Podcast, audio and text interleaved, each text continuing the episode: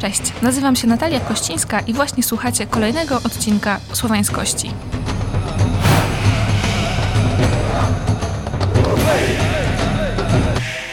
Dzisiaj znowu zajmujemy się tematem Wielkiej Lechi, ale to nie ja będę Wam o niej opowiadać. Za chwilę posłuchacie rozmowy, którą przeprowadziłam jeszcze w listopadzie w najlepszym miejscu do rozmawiania o początkach państwa polskiego, czyli w Gnieźnie. Posłuchajcie. Nazywam się Artur Wójcik, jestem historykiem, prowadzę blog historyczny Sigillum Authenticum. Ostatnio wydałem książkę na temat fantazmatu Wielkiej Lechi. Zaczniemy od tego, dlaczego w ogóle zdecydowałeś się napisać swoją książkę. Książkę zdecydowałem się napisać, ponieważ y, wydaje mi się, że brakuje takich pozycji na rynku księgarskim, które popularyzowałyby najnowszą wiedzę z zakresu historii początków Polski. A z uwagi na to, że bzdury związane, czy, czy pseudonauka związana z Wielką Lechią zdobywa dużą popularność, więc chciałem wykorzystać jak gdyby tą całą popularność do, do tego, żeby cały ten ruch pseudonaukowy zamienić w taki ruch pronaukowy, czyli po prostu wyjaśnić ludziom pewne kwestie, które turbosławianie przedstawiają w sposób niewłaściwy. Masz swoją ulubioną teorię turbosłowiańską, która cię tak chwyciła za serce, albo zachwyciła, albo wywołała w tobie jakąś taką drastyczną reakcję? Takich teorii jest kilka. No to pierwsza teoria to jest to, że Słowianie w jakiś sposób mieli współpracować z cywilizacjami pozaziemskimi, czyli właśnie z kosmitami. Inna teoria to jest właśnie związana z tą słynną płytą nagrobną z Leszkiem Awiło, gdzie jeden z tych badaczy właśnie turbosłowiański, Janusz Bierzk, przedstawia swoje tłumaczenia łacińskie, gdzie wyraz Kajo, który odnosi się do imienia Gajuszowi, przedstawia jako słowo na pożegnanie, co skojarzyło mi się z kolei z włoskim pożegnaniem ciała. Co jeszcze?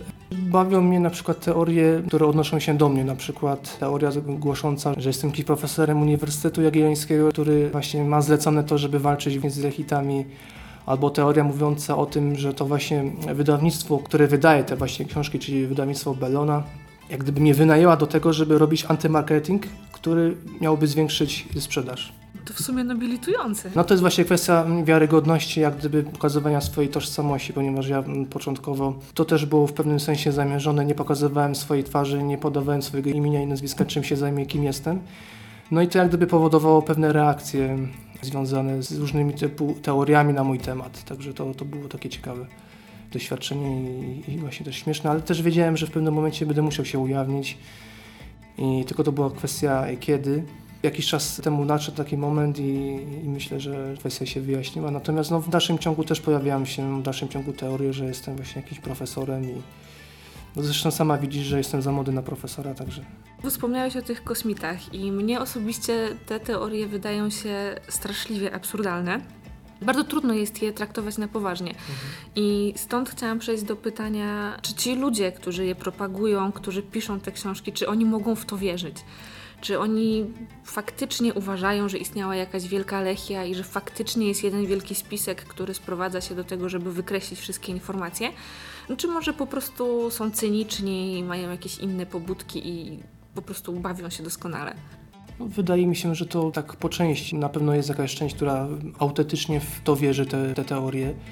Jest na pewno część osób, która jak gdyby wykorzystuje te teorie do właśnie szkalowania, czy właśnie kontestacji rzeczywistości naszej współczesnej, bo też, też te teorie są wykorzystywane. Znaczy w ogóle pseudonauka jest przez te grupy osób wykorzystywana do zaprowadzenia jakichś, nie wiem, nowych porządków społecznych.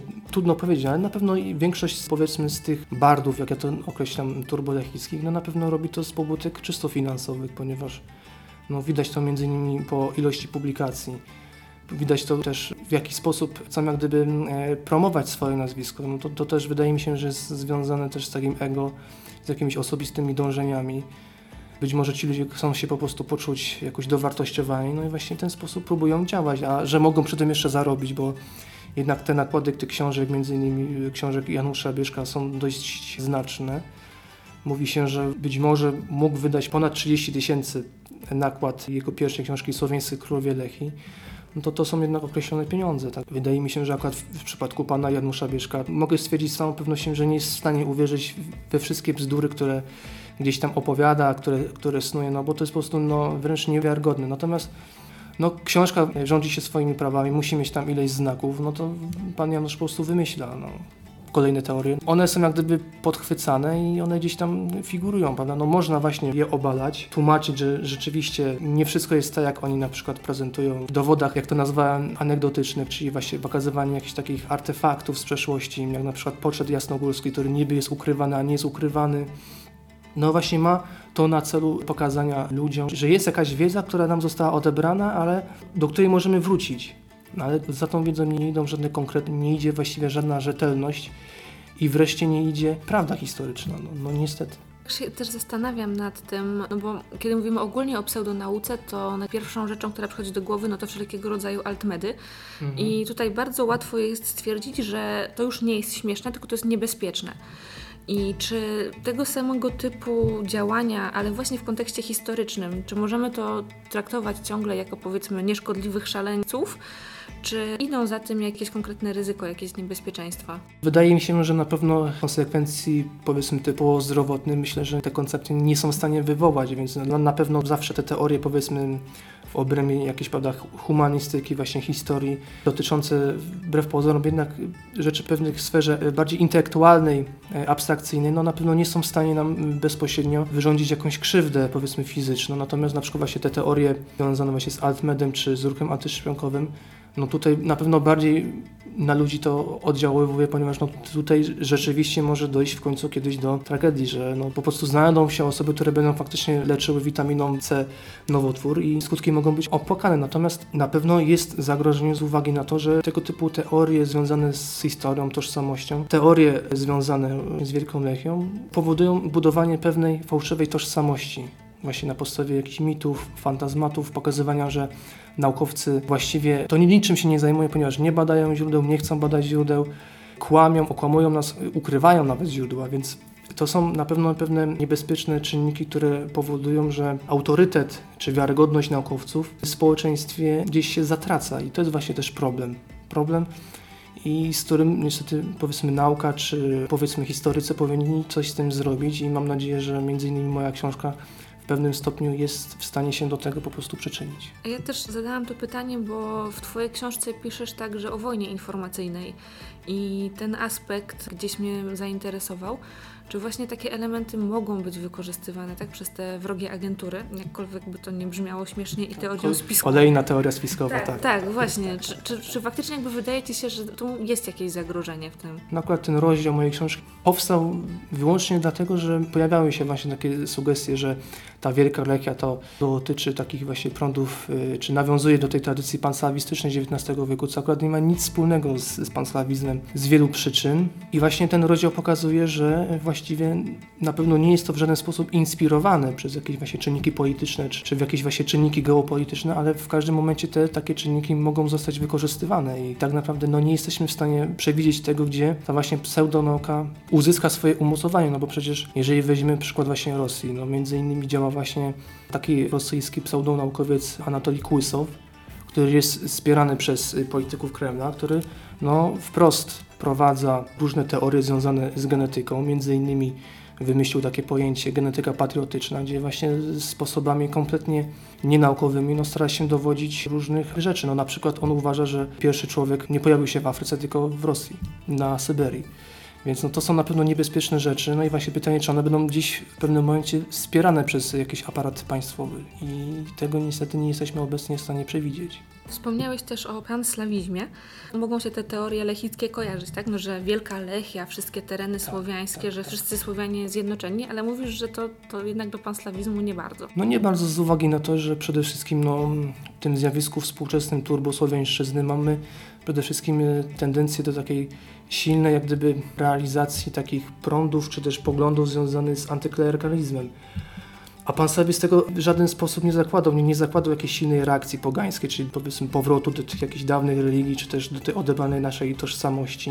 I zresztą on miał troszeczkę inne, inne znaczenie. No, pan Slawis to w ogóle pojawił się, zdaje się, w Czechach, wśród takich czeskich aktywistów, którzy właśnie uważali, że wszystkie narody słowiańskie powinny się właśnie zjednoczyć pod perłem Rosji i przejąć jak gdyby całą ich kulturę, język i obyczaje. Przede wszystkim też na ziemiach polskich ono nigdy nie miało jakiegoś dużego odzewu. W XIX wieku nałożyły się na to zabory. Ale no, w żadnym wypadku nie ma to nic wspólnego z panslawizmem. Ja myślisz, że dzisiejsi turbolechici chcieliby odbudować takie właśnie wielkie imperium? To znaczy trudno powiedzieć, co oni by chcieli dokładnie odbudować. Znaczy wiem, wiem co można myśleć, natomiast z tych ich koncepcji trudno tworzyć jakiś spójny obraz świata, świata Wielkiej Lechi. Starałem się to w książce między innymi połączyć właśnie te różne ich teorie i niestety te teorie nawzajem się wykluczają, więc trudno powiedzieć, czy chcą powrotu do tej abstrakcyjnej rzeczywistości, jakby ona miała wyglądać. Więc dlatego uważam, że to jest tylko taki skrajny populizm, który ma po prostu na celu albo ma to jakiś cel powiedzmy finansowy, chcą mieć jakieś z tego korzyści powiedzmy materialne, chcą zdobyć poklask, więc nie wydaje mi się, że oni by chcieliby faktycznie powrotu do, do takiej rzeczywistości. Ale też gdzieś się pojawił wątek, że jedno z tych prosłowiańskich stowarzyszeń założyło Armię Słowiańską. Tak, to jest postać Adolfa Kudlińskiego.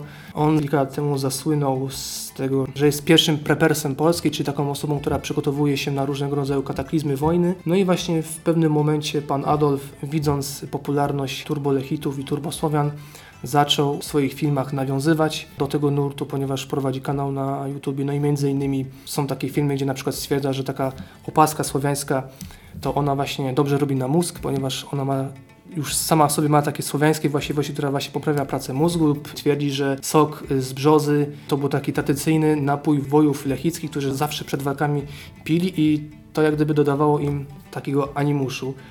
No i też ostatnio założył takie stowarzyszenie Wielka Lechia, która z jednym ze swoich punktów ma budowę Armii Słowian. Ma być to jednostka jakaś militarna. Może się wydawać już z takiego z punktu widzenia bezpieczeństwa niebezpieczne, natomiast nie jestem w stanie określić na jakim to jest etapie tworzenia tej armii, czy faktycznie są przygotowane jakieś oddziały ale no, mówi się właśnie w internecie, że to zawsze było marzenie pana Adolfa, żeby stworzyć sobie prywatną armię i być może będzie miał taką prywatną armię.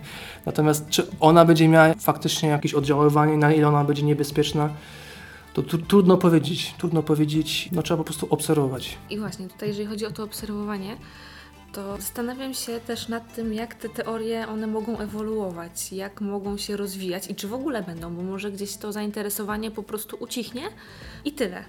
Czy raczej się będzie to rozwijało i będą pojawiały się nowe? Jak, jak, myślisz, jak to oceniasz? Myślę, że teraz cały ten temat związany z Wielką Lechią przechodzi, taki, przechodzi przez taki okres profesjonalizacji, czyli właśnie pojawiają się te różne serwisy słowiańskie, pojawiają się książki słowiańskie na ten temat. Natomiast no, w którą stronę to pójdzie, to naprawdę ciężko powiedzieć, natomiast już widać, że pewne tematy już przestają być aż tak popularne. Być może właśnie Wielka Lechia jest takim modnym tematem, nośnym tematem, który w pewnym momencie po prostu się znudzi ludziom. No ale też no, widzimy też w ogóle w kulturze popularnej jest dużo takiego nawiązania do tej właśnie kultury Słowian. W różny sposób przejawia, począwszy od słynnej piosenki My Słowianie, po prawda już inne rzeczy. Y, w którą to stronę pójdzie, w jaki sposób się to rozwinie, trudno powiedzieć. No to jest też w pewnym sensie loteria, ponieważ też już można zauważyć w tych teoriach kolejnych książek turbolechickich, że właściwie tą materię już powoli wyczerpują i właściwie już nie są w stanie niczego nowego wymyśleć. I wydaje mi się, że to jest właśnie szansa dla historyków, że mogą popularyzować rzetelną wiedzę. No właśnie, i to jest kolejna rzecz, o którą też chciałam Cię zapytać, czyli o to, co możemy zrobić, żeby te bzdury się dalej nie szerzyły. No bo jeżeli mamy osobę, która nie ma aparatu krytycznego, tak, nie kończyła studiów historycznych, czy w ogóle właściwie żadnych i chce się dowiedzieć czegoś o Słowianach, wchodzi do księgarni, podchodzi do półki z napisem historia i tam znajduje właśnie między innymi książki typu Wielka Lechia i tak dalej. Co my możemy tym osobom zaoferować tak naprawdę, żeby one sięgnęły jednak po rzetelne źródła, a nie po te bzdurne teorie? No wydaje mi się, że możemy zaproponować, można to określić mianem książka za książkę, po prostu wydaje mi się, że ten temat y, trzeba jakoś opisać, starałem się to zrobić swoją książką, natomiast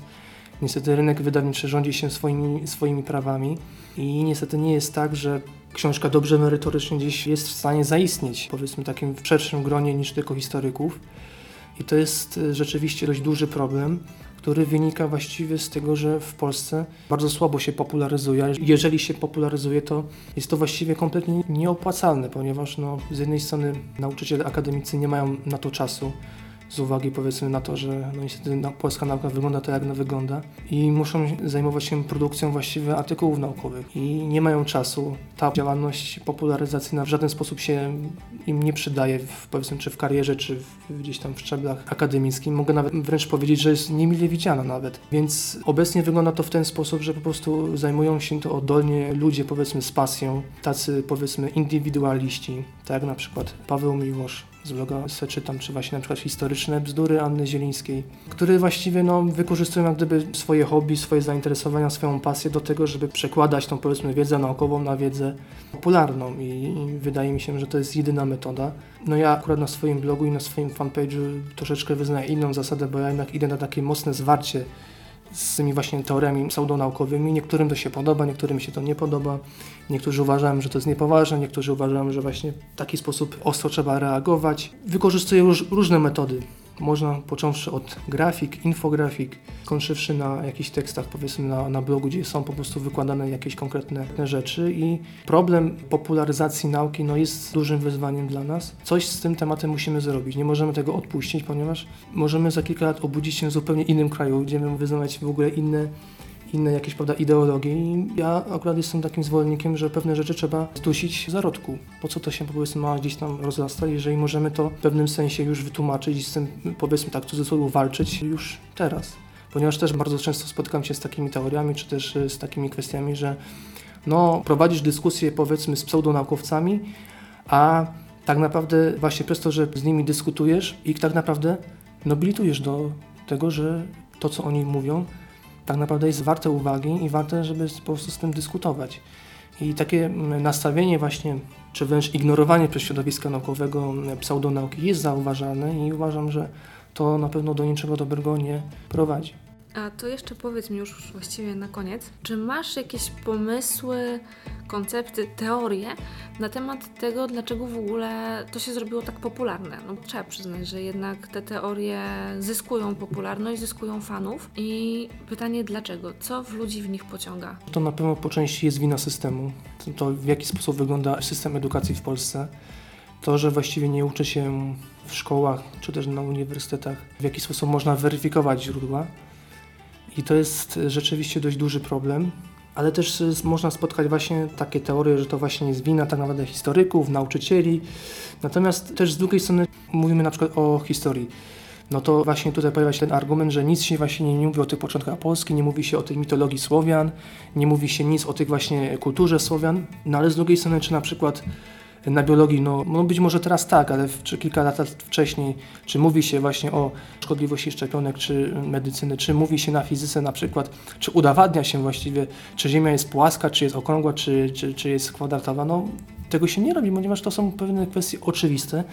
Ja wręcz zauważyłem, że wszyscy, wszystkie osoby, które są związane z tym nurtem turbolechickim, to są produkty tego szkolnictwa dużo wcześniejszego, nie współczesnego. Więc wydaje mi się, że to też jest warte uwagi, że współcześnie właściwie wydaje mi się, że jest coś takiego, że chcemy poznać prawdę, że chcemy zweryfikować źródła, ale nie zawsze potrafimy. Właśnie z uwagi na to, że nie mamy pewnego warsztatu, czy to historycznego, czy medycznego, czy właśnie nie pamiętamy pewnych twierdzeń z fizyki. No i to jest właśnie ogromna rola tego, żeby to w jakiś sposób ludziom tłumaczyć. Natomiast gdzie są jeszcze źródła popularności? No na pewno to, że tak jak już wspomniałem, no, że gdzieś historię popularną, czy tą naukę popularną gdzieś w pewnym momencie się tak niestety odrzuciło. Ale no też wydaje mi się, że pseudonauka w ogóle jest też dużo bardziej atrakcyjna, ponieważ no co, daje proste odpowiedzi, można wszystko w bardzo prosty sposób wytłumaczyć, a nauka właściwie co? Nauka tak naprawdę zadaje pytania, a pseudonauka udziela nam dość prostych, dość takich bym powiedział populistycznych odpowiedzi i to też jest problem. Tak zakończyliśmy naszą rozmowę z Arturem Wójcikiem. Przypominam, że są już wyniki rozdania, w którym można było dostać jego książkę.